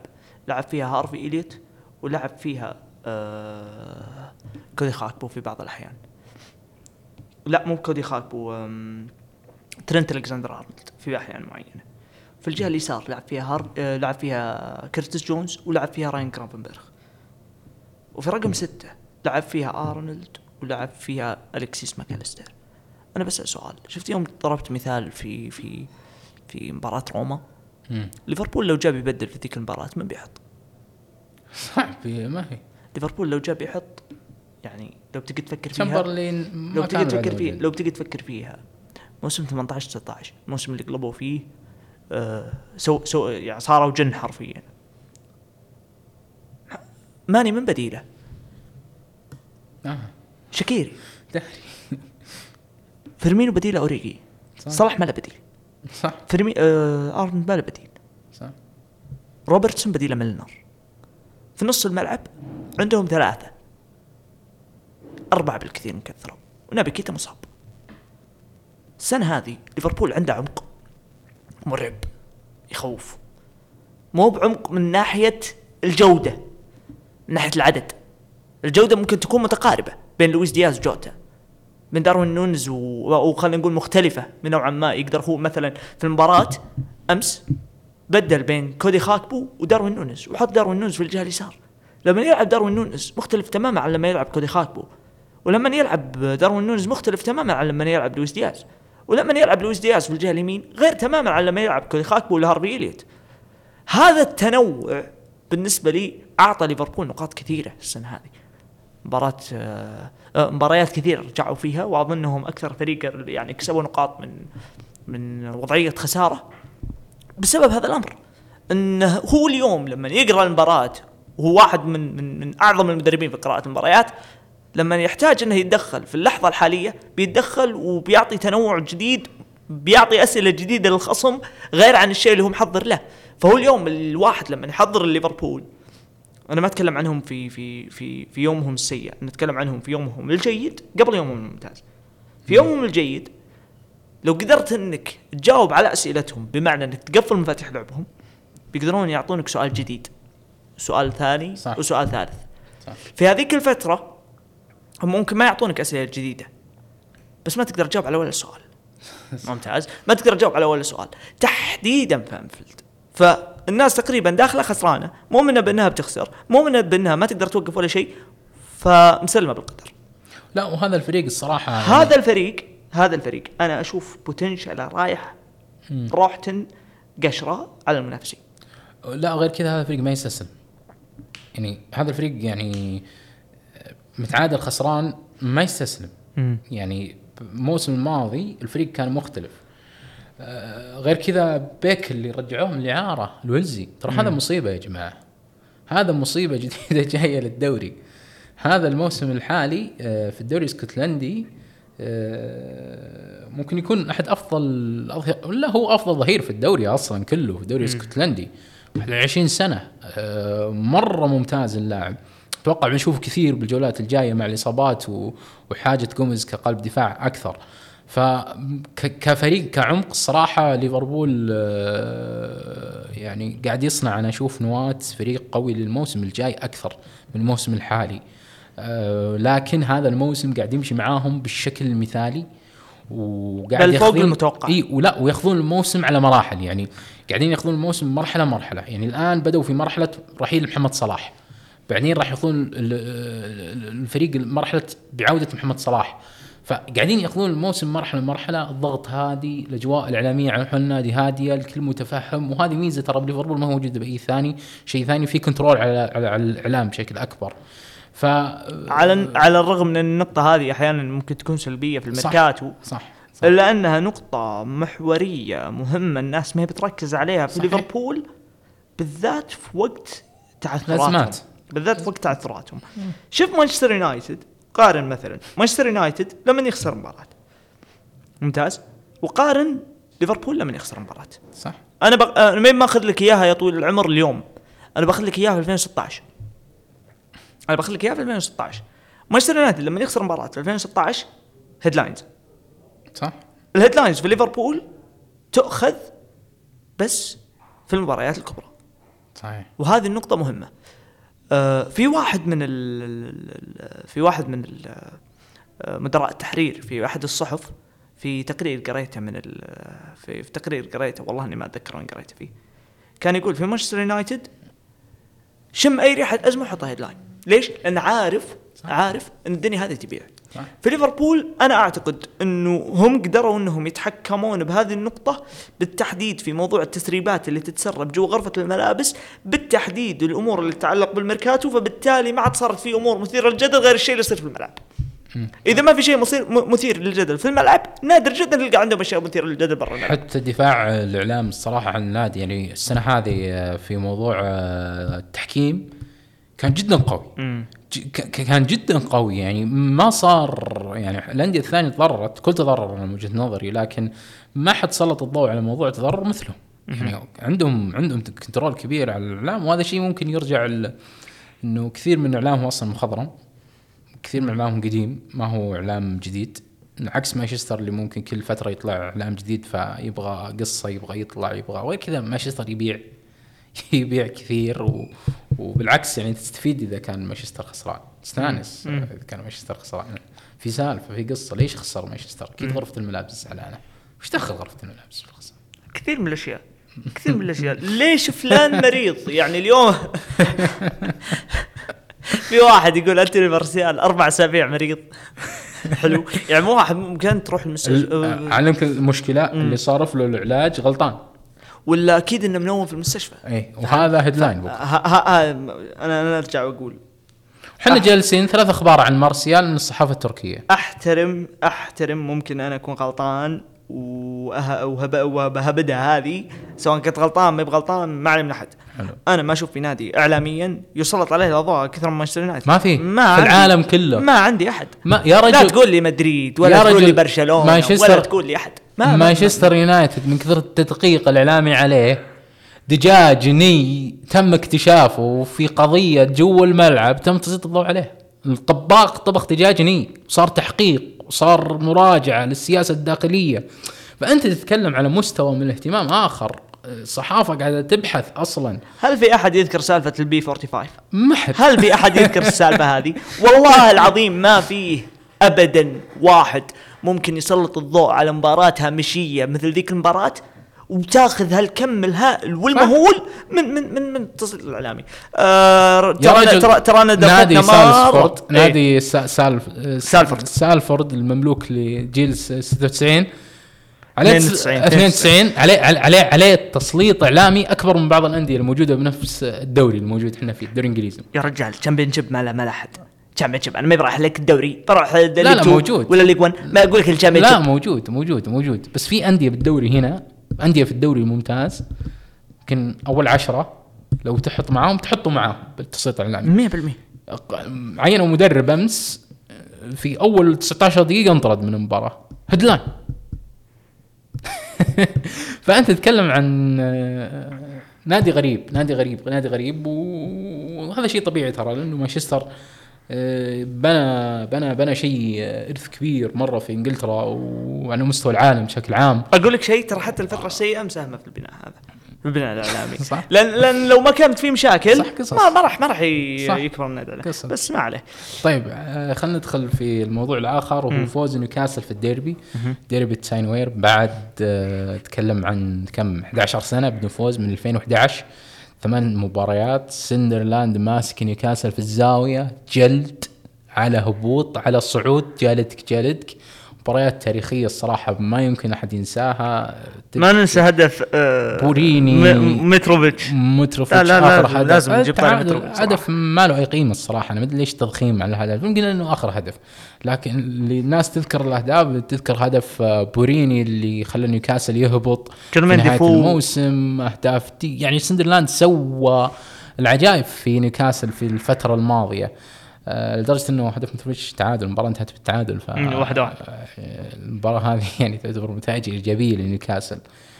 الضخ ال- الإعلامي اللي كان على المباراة كبير آه، الترقب اللي كان على المباراة كبير آه، خاصة إنه أول مباراة بعد ذهاب نيوكاسل لمنطقة مختلفة عن منطقة نيوكاسل عن منطقة سندرلاند. سندرلاند في منطقة وأصبح نيوكاسل في منطقة وهذه أول مرة تصير في التاريخ. طوال التاريخ الناديين في منطقة واحدة. يعني آه، أهداف واحدة إمكانيات واحدة ما في نادي متفوق على نادي آخر. آه هذه المرة وصل نيوكاسل بط- بطموح مختلف بطريقة مختلفة بنجوم أصلا قيمتهم المالية عالية مرة على عكس سندرلاند. آه كانت الخسارة الصراحة بالنسبة لنيوكاسل بتكون كارثية أكثر من سندرلاند. سندرلاند 100%. سندرلاند بالنسبة لهم الفوز والتع- كان بيكون شيء عظيم لكن الخسارة ما هي شيء كبير. آه ما راح تأثر كثير في موسمهم. لكن فوز نيوكاسل بالطريقة هذه بالإهانة هذه المرة الأولى من 76 يروحون الملعب النور يفوزون بالثلاثة صفر بدون أي استقبال هدف والاحتفال بالملعب والتصوير في الملعب. أنا أعتقد لو في. مباراة سوت آه، إعادة تشغيل لموسم نيوكاسل هذه المباراة. ممكن. شفت كل شيء صار قبل؟ صح. شوف. لأن المباريات المباريات الكبيرة نواف اذا فزت فيها أحيانا مو بس كبيرة ترجعك. إي مو بس كبيرة آه، يعني شوف هذه المباراة ما هي كبيرة كقيمة أنا فاهم ميب ميب. في النجوم اللي فيها إيه. ولا الأعلام اللي صح. فيها لكن جو عند الناديين هي مباراة عند كبيرة الجمهور مم. عند الجمهور تحديدا عند الإعلام تحديدا. آه، مباراة مهمة مباراة من أكبر المباريات في إنجلترا آه، لو تشوف يعني أنا أشوف إنه السنتين الماضية شيء السنتين الجاية شيء الآن الآن بدينا مرحلة يعني لو في مرحلة انتقالية فعلا لنيوكاسل الفوز بهذا الديربي هذا الفوز بهذا الديربي عاد موسم نيوكاسل للحياة. آه، أعطى الفريق عمل بضغط أقل. نسمع الحين ثلاث أيام أربع أيام. أنا أتوقع لي ثلاث أيام ما قرأت تقرير غريب عن نيوكاسل إلى الآن. آه، كل التقارير عن الديربي. ما في شيء غريب مثل قبل يصير. ما في راحت مطالبات اقاله إيدي هاو آه، اللي أساسا غريبة هي من الأساس. بشكل عام بشكل عام هذا الفوز أعلن بداية مرحلة جديدة. في التاينوير. وهذا الفوز اللي يعجبني فيه الصراحة لما غنوا جمهور نيوكاسل الأولاد السعوديين ينتصرون. لأن جمهور سندرلاند أكثر جمهور من بداية عملية الاستحواذ لليوم كان يشتمنا كان معارض وكتبوا للبرلمان كثير وكتبوا لين ملوا وأمس في المباراة رفعوا شعارات مسيئة وغنوا أغاني مسيئة وسووا كثير أشياء مسيئة. لما جاء الهدف الثالث كل جمهور نيوكاسل. ما أخطأ فيهم فرقسون من فراغ كل جمهور نيوكاسل. رفع العلم وقاعد يغني أولاد السعوديين ينتصرون. وحتى الصورة اللي تم التقاطها في الملعب عظيمة. وننتظر الآن المباراة الجاية إيش راح يسوي نيوكاسل. من بدايتها مباراة السيتي. ما في أجمل من انك تلحق هالفوز بفوز على السيتي. الصراحه سان جيمس بارك. ولو نسبة حدوثها بالنسبة لي يمكن أنا أشوفها عالية 15% الصراحة. صراحة. أنا أشوفها عالية الصراحه لو خسر الفريق بقول لك صفر. لا لا هي هين بس أنا اتكلم في النهاية بعد. تقابل سيتي okay بس أنت كمان راح تلعب ضد نيوكاسل أنا فاهم بس أنت في النهايه تلعب ما ضد راح سيتي. يخلي- يعني أكثر أكثر. فريق لو جينا سألنا أنفسنا من أكثر فريق تتوقع أنه يفوز على ليفربول في الانفيلد أنت تدري سيتي أنت تدري نيوكاسل هذا ثاني أسبوع من بداية الموسم يرتاح فيه مم. وهذا من النقطة من مهمة وهذه النقطة هم ما كانوا متعايشين معها ولا ي... يعني جديد عليهم هالموسم وهذا الشيء هم اللي كانوا أساسا متعودين عليه الفترات يعني. إلى حاليا لو تسجيل البودكاست إيدي هاو آه، ما هو موافق على المعسكر في السعودية. مم. عكس الشتاء اللي راح واللي قبله. الشتاء اللي راح واللي قبله هو اللي طلب. هو اللي أصر على المعسكر. الإجازة الشتوية اللي راح تبدأ من بعد مباراة آه، السيتي آه، إيدي هاو يبغى يعطي إجازة للاعبين. اللاعبين ما طلعوا من عوائلهم. يبي يعطيهم إجازة. روح استمتع. آه، رح عش ما بعد الضغط اللي عشناه. اللي عاشوا نيوكاسل الفترة الماضية شيء جديد عليهم شيء ما قد عاشوه ضغط جديد. مع الإصابات اللي صارت كمان خلت الموضوع كارثي أكثر. أربع مباريات عزيز بنفس التشكيلة بدون أي تغيير. هذا- 90 دقيقة 90 دقيقة 90 دقيقة. 90 كارثة- دقيقه كارثة كارثة. فاللي صار معاهم اللعيبه اللعيبة وصلوا مو بحدودهم. تجاوزوا حدودهم وأنا ما استبعد إن في واحد جالس يلعب وهو ماخذ صحيح. مسكنات ولا ماخذ كثير آه، كثير. بروفين جولينتون ولا ماخذ اولهم بي. فانا لم يعني هذا الموضوع لو ما سواه إيدي هاو بيرتكب جريمة بحق نفسه اولا وحق فريقه ثانيا صحيح ف أنا متأكد إنهم بيديرون الأزمة بشكل كويس والفترة الحالية متأكد إنها أو لو قلت أنا بدور لي فريق يبغى هالفترة هذه أكثر من نيوكاسل ما راح ألقى صراحة. أه هم إلى الآن بوادرهم بوادر جيدة جدا بوادرهم ما هي بكارثية. لو إحنا بنجي نتكلم على مستوى النتائج نعم. بس أنا استغربت إنه حتى في ناس جالسة تطالب بجنون بإنه تغيير المدربات مع عارف أنا طالب شيء ثاني بجنون. مم. أنا طالب التجديد. أنا مثلك. أنا أنا لا لا. لأن الشيء هذا لا لأن الشيء هذا ممكن يدخل الناس بزمه شك لكن أنا أرجع وأقول لك إنه وهذه ترى أول مرة تصير. أنا فاهم بس الفكرة الفكرة في الموضوع إنه هذا اختبار حقيقي لكل واحد تابع نيوكاسل في 18 شهر اللي فات. أو خلينا نقول في ال 18 شهر قبل الموسم هذا. ممتاز؟ مدى إيمانك بالرجل بيبان اليوم. مدى إيمانك بالمشروع بيبان اليوم. مدى إيمانك بالأمور هذه اللي قاعدة تحصل يبان اليوم. فأنا بالنسبة لي من الفترة هذه بتاخذ المشروع هذا خلينا نقول لك إذا هم قدروا إنهم يلمون الشتات اللي هم موجود فيه يجمعون الأوراق اللي موجودة عندهم يسترجعون بعض المصابين متأكد إنهم بيقدرون يقفزون في سلم الترتيب. ليش؟ عندهم قدرات تهديفية ممتازة وعندهم ملعب سان جيمس بارك. بسهولة بسهولة يقدرون إنهم آه، ينتصرون على خصومهم فيه. وهالشيء هذا أنا متأكد إنه ما راح يفقدون الشيء اللي هم عندهم في في سان جيمس بارك بس لمجرد خسارتين أو ثلاثة أو أربعة اطلاقا. تلقى المباراة الجاية اللي بعد العودة بتلقى سان جيمس بارك منفجر. بتلقى نفس الفكرة هذه بتلقاها في المباراة اللي بعدها واللي بعدها واللي بعدها. فأنا ما استبعد إطلاقا أشوف آه، نيوكاسل في البطولات الأوروبية السنة الجاية. هم لأنهم يمتلكون النواة اللي, اللي تخليهم يتأهلون. هم باقي لهم سلسلة مباريات صعبة أساسا مباراتين السيتي الجاي وأستون فيلا. بعدين يخلصون سلسلة مباريات مهم. تخيل هم لاعبين ضد آه، ليفربول في الأنفيلد. آه، هو هو هو ذا الغضب اللي صار على ايدي هاو تحديدا في خسارتين ضد نوتنغهام وضد لوتون تاون. كيف نخسر بالطريقة هذه؟ كيف نظهر بالشكل هذا؟ وأنا بالنسبة لي كان مفهوم. لأن الفريق بدنيا ضايع الفريق بدنيا آه، أصبح مرهق بسبب كثرة الإصابات وعدم التدوير في مرحلة الضغط والوضع كان كارثي جدا. حتى في نهاية دوري الأبطال الوضع كان مرة متجه إنه يكون كارثي بسبب آه، الضغط اللي حصل آه، للنادي. عدت المرحلة الصعبة. أنا شايف من وجهة نظري المرحلة الصعبة عدت على نيوكاسل. آه، FA Cup. لو في حلم بالنسبة لهم 32 يرحم أمكم اعطونا قرعة سهلة. لا تعطيني قرعة صعبة. هذا لسان حال نيوكاسل. لأنك لو تشوف نيوكاسل في قرعة هذا الموسم في ال FA Cup طاح مع سندرلاند في الديربي في ملعب سندرلاند. بكاس الكاراباو لعب ضد تشيلسي لعب ضد اليونايتد لعب ضد السيتي. في دوري الأبطال ضد باريس ضد ميلان ضد دورتموند. فالشيء الوحيد اللي يبغاه إيدي هاو يا قرعة يرحميني أعطيني مباراة سهلة الدور الجاي خليني أريح. أنا بجي ألعب مباراتك بعد مباراة أستون فيلا وبعد مباراة السيتي. ما له داعي أجي ألعب ضد السيتي مرة ثانية في الكاس. ليفربول في أنفيلد آه، إي هذا الأخير هذا الأخير قرعه ترى قرعة ما تحبك. هذه ليفربول في أنفيلد. القرعة إذا أعطتك وش. تعطيك شو- تذكر يونايتد. تن هاج إي، تن هاج صح. المباريات اللي في ال home اعطته وجه. الحين بدأت تقلب عليه في الفترة الماضية. نيوكاسل مو معطيته وجه ولا أعتقد راح تعطي وجه في الفترة الموسم هذا الموسم الجاي إيه يمكن. خلينا بس نروح للنقطة الثانية. بندخل على السوق. ممتاز. والسوق فيه ملف فيه ثلاثة ملفات يمكن آه، ساخنة أكثر من غيرها في الإعلام الإنجليزي. الملف الأول ملف تيمو صحيح. ممتاز. بعدين بندخل على الثقيل بناخذ بالتدريج أول شيء. تيمو فيرنر توتنهام نواف. أنا بالنسبة لي أشوف إنه لو بتاخذ لي آه الفترة اللي هم فيها الآن وبتاخذ لي يا طويل العمر الشيء اللي ممكن يقدمه آه لاعب مثل تيمو فيرنر وبتاخذ لي يا طويل العمر الفريق اللي موجود فيها الآن وال system اللي موجود فيه أنا أعتقد أنه مناسب. ولا أعتقد أن توتنهام خسران من هالصفقة هذه أي شيء إطلاقا. صح. لو قلنا حنا نتكلم عندهم هم أربعة في الثلث الهجومي عندهم سون وعندهم ريتشاردسون وعندهم برينن جونسون و كولوسيفسكي.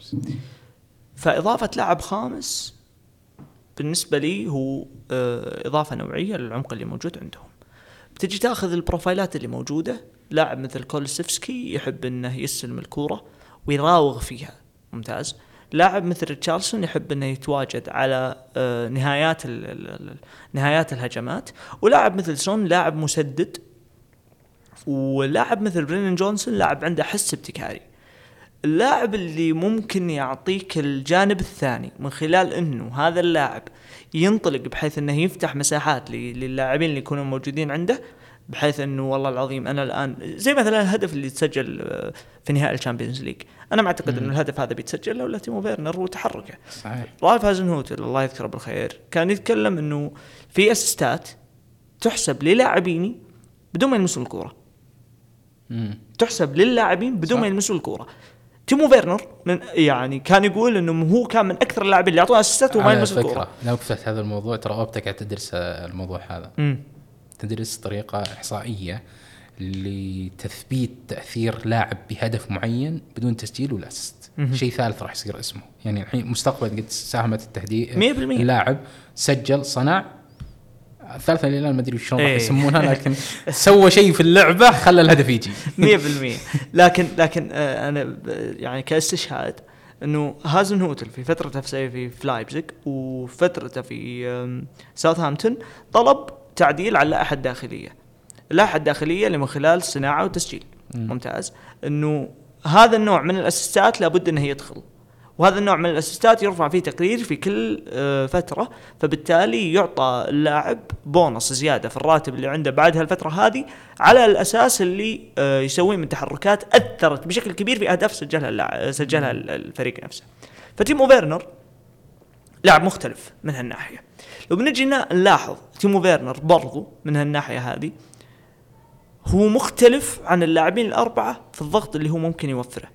نعم تيمو فيرنر ما هو لاعب خلاق تيمو فيرنر ما هو finisher خرافي لكن تيمو فيرنر ممكن يخليك تلعب بشكل أفضل.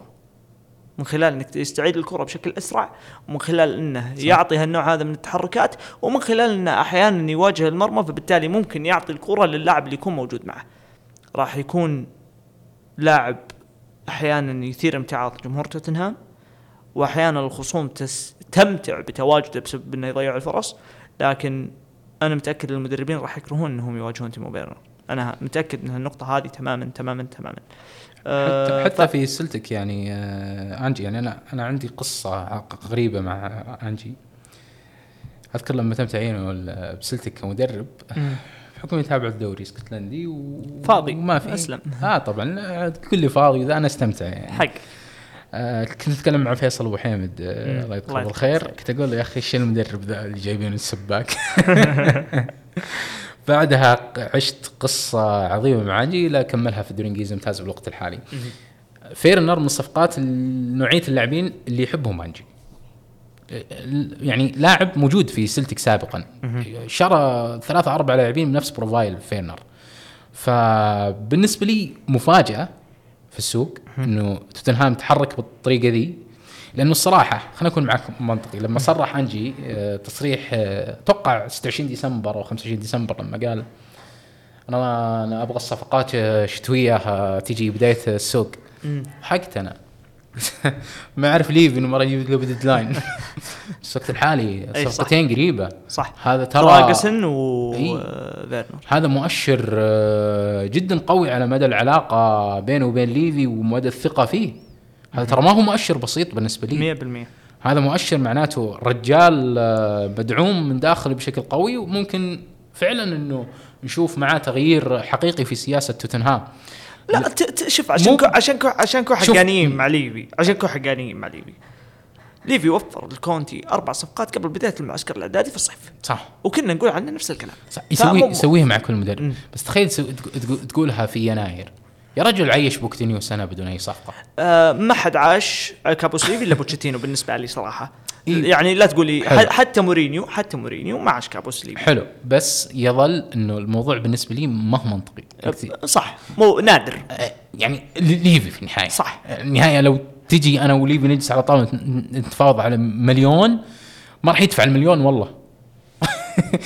راح يدفع 500 بس. المليون ما هو دافعها. عناد. فأنا كنت مست... صراحة كنت يعني شاك لكن آه تسريع الموضوع صح هذا مؤشر هذه مؤشر قوي. مره مره مرة يعني يحسب لأنجي ويحسب لنظرة المشروع. خلينا ننتقل للمحور الثاني. المحور الثاني لعب كود. اذكر ترى ملوم الصراحة. والله العظيم لعبت كود أنا صراحة وجازت لي والله. ملوم الرجال. بالله. إي والله. أنت لازم تلعبها بعد. لا لعبها يوميا يا حبيبي. كلان. كلان مع سانشو خلينا ما عليك بس من هذا الموضوع بس. اذكر كنت ناقش وياك. اي تقول صعب إنه نصرف اللاعب دافعين ثلث الراتب. هل ما تشوف إنه تصريفه؟ دافعين ثلث الراتب. هذا ثلثين الراتب. اللاعب يستلم 200 ألف من مانشستر يونايتد. فعليا تصريفه أمر صعب. حلو صح. فعليا بس هذه أنت ما شايفها تصريفه شايفها حل مؤقت؟ ليش ما حطوا خيار الشراء؟ امم ليش ما حطوا خيار الشراء؟ ولا زمية الشراء؟ عشان, عشان ما أدري. يمكن يقولون آه ما أدري. لا بس فعليا فعليا. ليش ما حطوا خيار الشراء؟ هذا هذا سؤال مهم. لازم يسأل موضوع الإنسان. هل ممكن تكون يعني أنا قاعد قاعد أتخيل الموضوع. أنا أنا بالنسبة لي بالنسبة لي أنا أعتقد إنه آه، سير ديف بريلسفورد راتكليف ايا كان المدير الرياضي اللي هم بيجيبونه. بيجلسون في الصيف بيقولون في مجال ولا ما في مجال؟ بالضبط هذا اللي كنت بقول إياه. أنا اللي كنت يعني بصل انه لما وصلت الملكية الجديدة في مانشستر بالوقت الحالي ما تقدر تسوي شيء كبير. لكن أهم شيء تسويه بالوقت الحالي أي رماد موجود ترجعه لجمر يعني سانشو بدل لا يلعب يتدرب هنا خليه يروح يلعب هناك. حتى لو يدفع راتب خليه يروح يلعب. حتى لو ما لعب خليه يروح يغير جو. خليه يبعد عن النادي. خليه يبعد عن الإعلام حقي. خليه يبعد عن النادي. فأنا شايفها آه، أوكي رح بس ترى عندنا مراجعة مشغولين فيها. ما إحنا فاضيين للسوالف هذه. بعد المراجعة ممكن نقرر. وترى دورتموند علاقة ما هي يعني سيئة سيئة. فممكن وقتها نصل لحل بالصيف الجاي. أنا هذا اللي شايفه. يعني أنا بوقت الحالي واضح إنه الوكيل الجديد قاعد تتعلم في مانشستر. قاعد تشوف تراقب وتحاول تشوف وش اللي يصير. إيه يعني ترى خلفية اللي جايين ما هو خلفية رياضية. يمكن يدخلون يمكن يعتمد من بيحطون معه. اي يمكن يدخل النادي يشوف إنه اللي يسوي مانشستر X و Y و O. لأنه ما متخصص في الرياض هو هنا هنا السؤال المهم هي يعتمد على من الشخص اللي بعينونه في شهر فبراير صحيح. أو من بيكون التوجه له. هل بيكون دان أشورث وبيسوون له كسر أنا أعتقد الجزائي مستحيل. مثلا مثال اسم. لو جينا قلنا مثلا اسم ثاني. بول. بو- بول ميتشل مثلا. لا حتى لو قلنا أي اسم ايا كان. بس واحد كفاءة. نعرف إنه كفاءة والكل يعرف في العالم إنه كفاءة. مو فكرتي من الاسم. يعني دان اشورث وافق أو ما وافق مو بشغلي. زي ما إذا والله العظيم جاني واحد فعلا يشار له بالبنان في هذا المجال. أنا فكرتي في الموضوع إنه الآن الوضع لو بيتمنى يونايتد كنادي بيتمنى آه أتكلم هنا جيم راتكليف. جول وأفرام جليزر ربعه تكلم على كل مدير تنفيذي جاي للنادي. وتتكلم على سانشو نفسه. الأفضل لهم إنه سانشو نسمع عنه كل مباراة سجل هدف هدفين. بالضبط. حلو؟ اللي ممكن ممكن يمانع هذا الموضوع جزئيا مو كليا جزئيا. هو إريك تنهاخ نوعا ما بسبة إنه أوه ترى كريستيانو نفس الفكرة. فهمت فكرة كريستيانو اللي أوه بدع في في في في الدوري السعودي. جزئيا. لكن برضو حتى هو في جانب منه لازم يكون مبسوط. إنه صح. هذا اللاعب بدع فممكن ينباع. صح. أنا هذا الهاجس حقي. إنه أنا أتمنى والمفروض كل مانشستراوي يتمنى إنه جيدن سانشو يسجل كل مباراة ويصنع كل مباراة.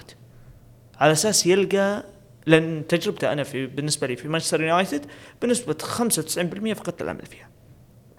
بنسبة 95% في 5% الأشياء ال- المستحيلة. ممتاز. لكن بنسبة 95% أنا فقدت الامل فيها. سنة اولى سنة أولى مشا- 5% مرتبطة إذا قطعوا لعبة كود من السوق. يا لا لا لا لا. عشان بتخرب علينا أنت الحين. أهم شيء أنا بالنسبة لي أهم شيء لا يتعلق. ما نبي باليورو. ورانا آه. بطولة ما إحنا فاضيين عندي أهداف أخرى. هذا خلينا نروح للموضوع اللي بعده. خلينا نروح للموضوع اللي بعده. لا, لا, لا. شوف الصراحة الصراحة أهم شيء وقت الحالي مانشستر آه، لا أخبار انتقالات ولا نتائج المباريات ولا من بعينون تحت سيف سير ديف المراجعة المراجعة الحالية وش نتائجها؟ وش الاستنتاجات وش يعني التقرير اليوم اللي صدر بذاتك مرة مهم لما تحدثوا عن آه، رغبتهم في تقريب السير اليكس فيرجسون بشكل حقيقي كمستشار آه، تحدثوا عن ديفيد جيل وممكن يكون موجود في النادي. في أشياء كثيرة يعني قاعد قاعد يعني إيش دور جون مورتو في النادي اي يعني في لسه في أشياء كثيرة لازم توضح. في أقسام جديدة لازم تستحدث آه، البنية التحتية وش بيصير فيها آه، خبر إنه ال 25% راح تصير 29% كيف راح تصير. آه، يعني ترى بعطيك معلومة عزيز معلومة ممكن الناس ما يعرفونها ممكن الناس تصدمهم كثير. تعرف نظام اللعب المالي النظيف كيف التمويل فيه.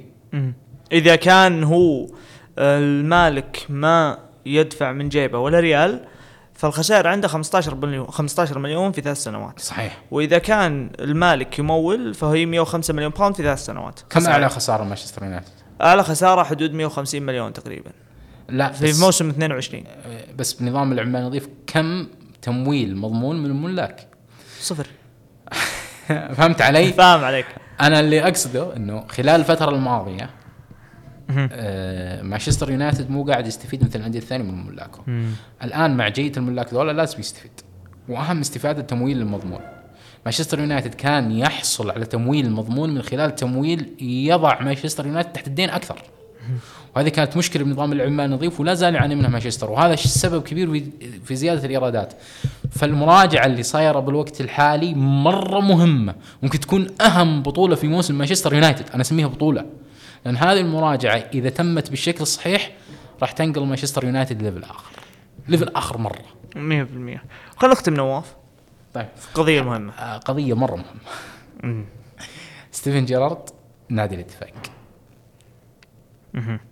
آه ودي أسألك كيف شايف شيء أنت؟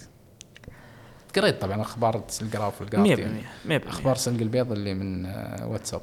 100% أنا لو بتجي تاخذ لي تجربة؟ فيعتمد متى وقت الكلام. مم. لو كنت أنت بتاخذ لي إياها في بداية الموسم في نص الموسم ولا في نهاية الموسم. خلينا نجي ناخذها اليوم لما نجي نطالع كل شيء من بعيد. هذا ال- الفريق. بالمقارنة بالفريق نفسه أنا ما أقارن بال... بال... بالدوري اللي موجود. ما أتكلم عن الدوري. الفريق هذا في السنة اللي فاتت جالس يحقق نفس الشيء أو الفريق هذا حرفيا مقارنة بالفريق السنة اللي فاتت. جالس حرفيا يمشي بنفس المسار اللي مشى فيه الفريق الاتفاقي السنة اللي فاتت. اللهم بصرف م- ناحية النتائج قصدك. أعلى أنا أتكلم من ناحية النتائج. لو بنجي نقارن مثلا هذا الفريق بالفرق اللي موجودة حوله واللي تقريبا يعني أنا ما طالبك تكون مع الأربعة أنا طالبك تكون مع الفتح مع التعاون مع مع ال- مع يعني هالفرق هذه. الفرق هذه جالسة تأدي أفضل منك بكثير. التعاون شفناه مذهل أكثر مما أذهلنا الاتفاق. الفتح أذهلنا أكثر مما أذهلنا الاتفاق. ضمك أذهلنا أكثر مما أذهلنا الاتفاق. ف وهذول لو بتجي تأخذهم كميزانيات ميزانياتهم أقل بكثير مما صرف على الاتفاق في الصيف الماضي. فمن الطبيعي إني أنا أشوف في كمية إحباط. وهالاحباط هذه أو الإحباط هذا جالس ينتقل من ستيفن جيرارد إلى الخارج. وأنا هنا لما أتكلم عن الخارج أنا أتكلم عن السر والعلن مو بسر إنه ستيفن جيرارد تحدث مع أحد. تكلم مع أشخاص موجودين والأشخاص هذول جو تكلموا عن الأشياء اللي قاعدة تصير في السوشيال ميديا وت... وتناقلت الأمور بصورة سلبية. وأنت نواف تحضر المؤتمرات الصحفية وتشوف جيرارد في كل مؤتمر صحفي جالس يطالب لعيبه جدد. وأنت تعرف إنه لما المدربين يطالبون بلعيبة فمعناتها هذه رسالة مبطنة للمجموعة اللي موجودة عندك إنكم ما أنتم بجيدين بالشيء اللي أنا ابغاه. هذه هذه رساله في النهاية. فأنا الآن لما أجي أشوف أشوف التجربة فيها يعني أبغى أوصفها وصف أشوفها تجربة شاحبة بمعنى أوكي لها شكل لها هيكل بس ما لها طعم فهمت علي؟ يعني لها يا طويل العمر لها ملامح، نعم لها ملامح، لها شكل، نعم لها شكل، بس ماني متحمس أشوفك. لا يجلب الاتفاق الحماسة أبدا لمن يشاهده في الفترة الماضية. باستثناء فترات متقطعة من هذا الموسم تحديدا ما بعد الجولة الخامسة إلى الجولة العاشرة تقريبا. ما بعدها أو ما قبلها وما بعدها ما هو أبدا مثير للاهتمام. وهذا الشيء يصير لكل الفرق اللي موجودة في الدوري. يصير لي مثلا يصير لأبها في فترة من الفترات يصير للرائد في فترة من الفترات يصير لكل الفرق اللي موجودة في الدوري. حتى عندنا في البريمير ليج تقد عندنا يعني أنت ما انت معنا بالدوري السعودي عندهم. إيه، اسلم إيه اسلم. هذا اللي بيقعد اسلم، اسلم، اسلم. هذا اللي بيقعد لي على التك. لا اسلم اسلم عندنا. لعلي كلشت. لعلي كلشت. آه الفكرة في الموضوع إنه الموضوع هذا ما هو بشيء غريب. عادي تشوف كل خمس جولات مثلا تشوف في فريق متألق أكثر من الفريق الثاني. في البريمير ليج لو بتجي تشوف تجي تشوف في الخمس جولات الماضية نوتنغهام متألق أكثر من غيره. أو مثلا بورنموث متألق أكثر من غيره. الاتفاق طبيعي إنه يحظى بهالفترة. من الطبيعي إنه يحظى بهالفترة. لكن هل لو بتجي أنت تاخذ بعد 19 جولة من النظر إلى الدوري السعودي تجي تشوف الاتفاق وين فيه مقارنة بالتطلعات اللي كانت عليه مقارنة بالصرف اللي أخذه مقارنة بالعمل اللي عمل فيه بالنسبة لي أقل بكثير من المتوقع. طيب لما جلسوا على طاولة للمراجعة الاستراتيجية لنادي الاتفاق كان أكبر سؤال عليه علامه استفهام ليش الفريق ما هو تنافسي؟ ليش الفريق عنده فئات سنية قوية؟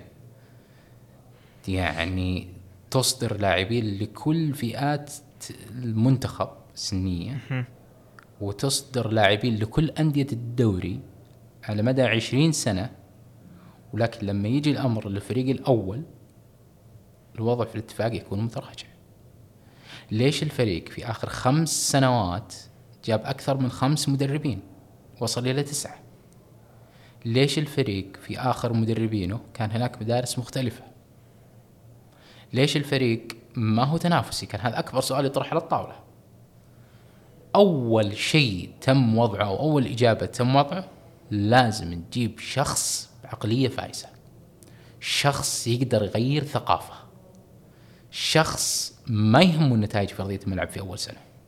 شخص يوقع عقد معنا. هدفه الرئيسي تغيير البيئة الداخلية للنادي.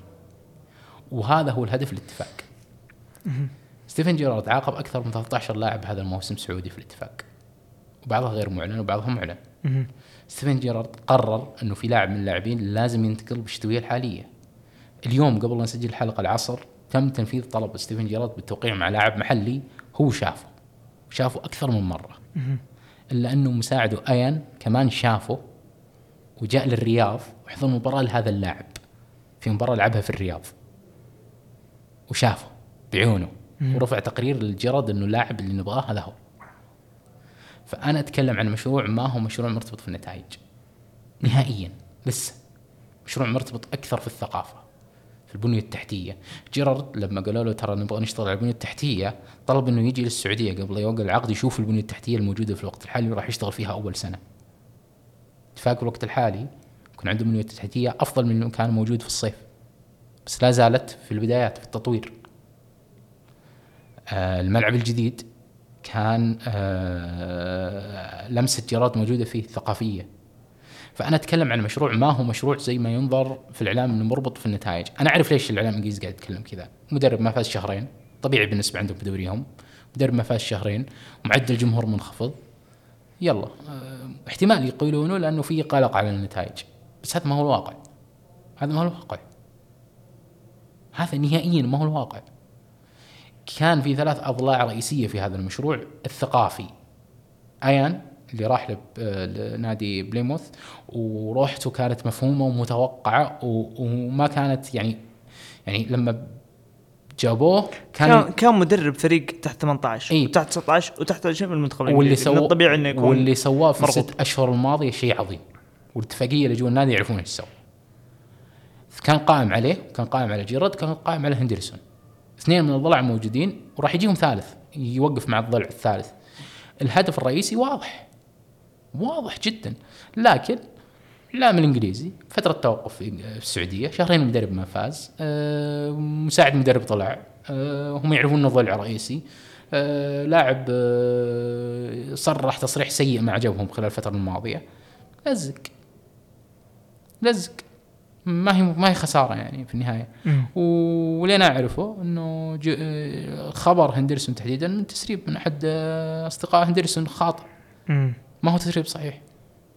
وراح تشوفون هندرسون مباشرة بعد عودة من التوقف يرجع التدريبات. هو في إجازة بالوقت الحالي. مهم جدا إحنا نشوف الأفعال ترى عشان الناس تؤمن. يعني بيجيك واحد يقول لك إنه أوكي أنت نفيت. ويمكن هذا يكون جانب من الجوانب الموجودة في البنود. لكن أنا متأكد أنه جوردن هندرسون من أكثر الناس اللي نواف آه يسمونهم وركهوليك بمعنى أنه مهووس في العمل. ماخذ أكثر من زيان أكثر. وهذه النقطة في الاتفاق ماخذ أكثر زيز إي أنا الفكرة في الموضوع. في الاتفاق هندرسون اجتمع مع فئات سنية كثير ك... كمحاضر. وعلى إيه؟ فكرة فلوس. اي لا لا لا أنا يعني أقول لك مو مو هنا الفكرة. است... هو هو هو راح ياخذ فلوس. الفكرة مو مو بعد الفلوس. هم يقولون إيش؟ يعني هم يقولون يا طويل العمر أنا جاي تعبي جيوبك. لا أنا خلق. أنا انت أنت نواف رايح للشرق الأوسط وش تسوي؟ رايح رايح تشتغل لا, لا. تشتغل ببلاش؟ ما أنت رايح أنا ما أقول لك لا ان هندرسون ما هو جاي الفلوس بس هم وش يقولون؟ يقولون هندرسون كان يتوقع حضور جمهور اتفاق أعلى. لا هذا كلام ما صحيح. هذا كلام ما صحيح. بجوجل تقدر تتاكد ما في لاعب وقع للدوري السعودي م. في الصيف الماضي من أي لاعب يجي ببالك الحين؟ إلا أرسل ملف كامل كامل عن النادي تاريخيا ومكانته في الرياضة السعودية وحجم جماهيريته ومنطقته والمنطقة نفسها. تشامبرلين كان بيوقع مع نادي بالجنوب. لما شاف الملف وشاف إن المنطقة بعيدة عن العاصمة رفض. وكان قريب من التوقيع على فكرة الصيف مم. الماضي تشامبرلين في لاعبين كثير ارسل لهم هذا الملف قبلوا فيه. وفي لاعبين رفضوا. وهذا شيء طبيعي. عادي. هندرسون الدنيا- عرض وطلب. هندرسون كان يعرف. بس اللي أنا أبي أصل له هذه مسكه ماسكينها الاعلام الإنجليزي من مباراة الرياض لليوم. مم. 300 مشجع مباراة في الدوري السعودي. 200 مشجع مباراة في الدوري. يجيبون كيرون ماجواير إيش رأيك في التمويل؟ هل يمكن تمويل ذلك؟ والله عندنا إحنا انديه في ال League 1 عندها معدل جمهور أعلى. طيب مبروك. فهمت الفكرة؟ فهمت الفكرة اللي هم قاعدين يقودون ارجع الإعلام ارجع الإنجليزي؟ أرجع وأقول لك نواف. أنت الإعلام الإنجليزي شفت اليوم مقال أوليفر كاي شفت ال- شفت المقال. شفت شفت المقال. شفت المعلومه الخاطئة الفكرة اصبر. نواف. في معلومة خاطئة ذكرها في المقال. ذكر أن النادي مملوك لشركة سابك آه الكلام مو بصحيح هذه أكبر مصيبة لأحد أكبر كتاب الإنجليز لكن مصدر معلوماتهم خاطئ أرجع- مين يجيب لهم معلومات مم. ما عندهم مصدر معلومات صحيح مين اللي كتب التقارير ولا واحد فيهم موجود في, في السعودية خلال الفترة الماضية مم. أنا أعرف كل اللي جو الاتفاق في المباريات. واللي جو للدوري السعودي من الإعلام الإنجليزي. ولا واحد منهم كتب الآن عن هندرسون. ولا واحد كتب عنهم عن جيرارد. كل جو ذولا كتاب ما قد وصلوا للدوري السعودي وشافوا بعيونهم. هي أهداف. أهداف النهاية. الفكرة الفكرة نواف أرجع وأكرر. إنه الأفعال أشد قولا من الأقوال. صحيح. بمعنى أفعالك تتكلم عنك. أنا لما أشوف جوردن هندرسون في ليفربول مثلا على الأقل من بعيد من وراء الشاشات أو لما تقرأ عنه في الصحف. تشوف وتسمع عن واحد آه، مهووس بالعمل. ممتاز؟ صح.